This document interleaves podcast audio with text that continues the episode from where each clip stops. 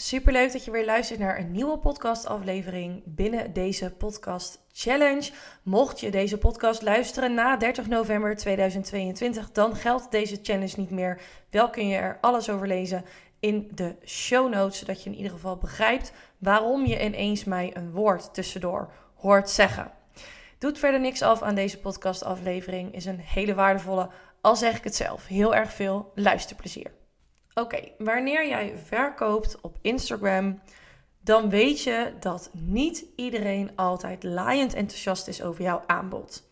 Er is altijd een percentage wat direct klaar is om van jou te kopen en het overgrote deel is dat absoluut nog niet. Sterker nog, sommigen weten eigenlijk niet eens dat ze jou nodig hebben, want ze ervaren nog helemaal geen probleem of uitdaging of nou, wat voor naam je daar ook aan wil geven. En dan kan het zo zijn dat op enig moment ze dat wel hebben, dat probleem of die uitdaging, en dan hebben ze jou nodig. Echter denken heel veel ondernemers dat wanneer ze hun aanbod op Instagram delen, in de stories, in een post, dat nog even lekker aanzwengelen met een reel, dat het dan allemaal als vanzelf gaat.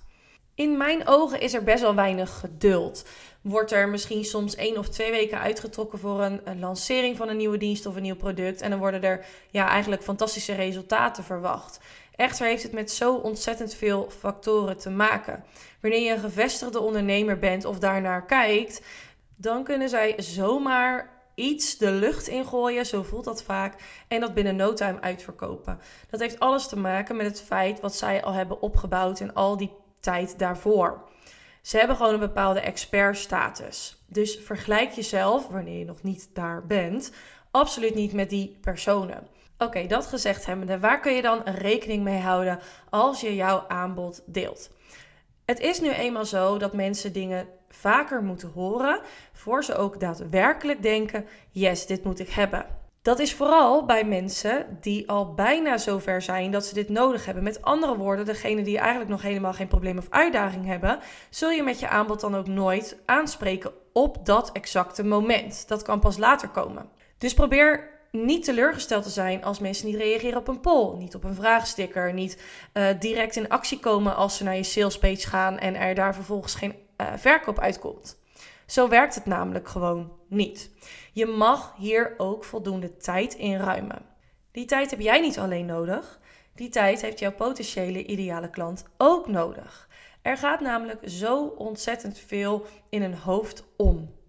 En als je dan bedenkt dat wij mensen in 95% van de gevallen een beslissing maken op gevoel, dan kun je je voorstellen wat zich er allemaal in het hoofd afspeelt, wat dus maakt dat we dus geen beslissing kunnen nemen.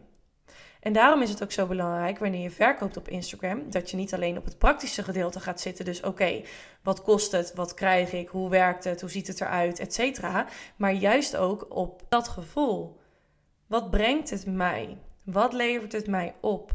Wat heb ik eraan in mijn business? Wat doet het voor mij in privésferen? Whatever. Al die gedachten moet jij voor jezelf op papier zetten. Dus pak een dienst of een product en schrijf daarbij wat het deze persoon daadwerkelijk oplevert.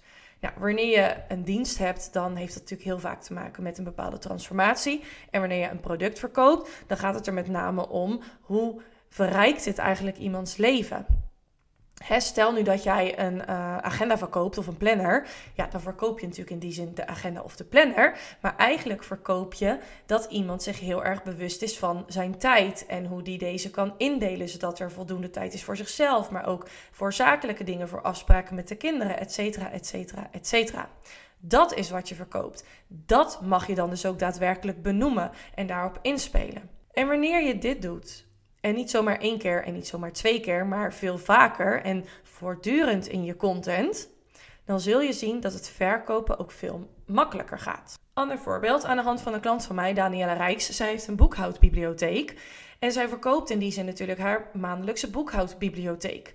Echter is dat niet wat zij eigenlijk verkoopt. Wat zij eigenlijk verkoopt is dat deze ondernemers inzicht krijgen en grip op hun cijfers. En op basis daarvan kun je ook een succesvol bedrijf bouwen. Want wanneer je zicht hebt op je kosten en op je investeringen en op je omzet, dan weet je ook welke keuzes je mag maken gedurende het jaar. Ander voorbeeld nog van een andere klant van mij, Sanne Ruiter. Zij heeft maandelijkse breathwork sessies, wat hele bijzondere en gave sessies zijn. En zij verkoopt natuurlijk uiteindelijk niet zo'n sessie. Oké, ja, in de praktijk natuurlijk wel. Maar wat zij vooral verkoopt is een moment voor jezelf dat je echt kan zakken in je lijf, kan doorvoelen wat je nodig hebt en zo tot hele mooie inzichten komen. Dat is wat ze daadwerkelijk verkoopt. En dat is dus ook waar je het over hebt. Dan nog een laatste voorbeeld.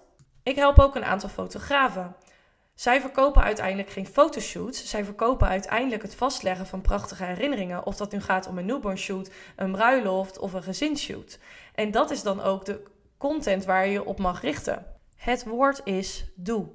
Ik hoop dat deze voorbeelden een beetje tot verbeelding spreken. Dat het je helpt om ook op deze manier naar jouw producten of diensten te kijken. Mijn advies aan jou is om dit per product of dienst eventjes uiteen te zetten. Dus sowieso in de praktische zin en wat is het en dat soort zaken. Maar juist ook wat voor gevoel geeft het me? Wat levert het me op de korte termijn op? Wat levert het me op de lange termijn op? Dat zijn eigenlijk allemaal vragen die je mag gaan beantwoorden. Dit is maar een klein tipje van de sluier, maar wel een tipje waarvan ik zeker weet dat het jou verder gaat brengen. Dat het je ook helpt om dan in je stories veel meer op dat gevoel ook in te spelen. En niet om iemand te manipuleren, hè, daar gaat het helemaal niet om, maar om iemand daadwerkelijk verder te helpen. En juist ook bij het maken van een keuze of dit wel iets is wat bij ze past, of misschien juist niet. Want dat is natuurlijk ook het doel van het maken van dit soort content. En probeer vooral niet één keer je aanbod te noemen, maar probeer het echt op verschillende manieren te doen, vanuit verschillende invalshoeken. En deze emoties waar je het dan over hebt, kunnen daar heel erg mooi voor dienen. Ik wil je ontzettend bedanken voor het luisteren naar deze podcastaflevering. Ik ben heel erg benieuwd wat voor inzichten je dit heeft gebracht. Laat het gerust weten via een DM op het Academie met IE. En dan hoor ik echt ontzettend graag van jou. Dankjewel voor het luisteren en tot de volgende keer.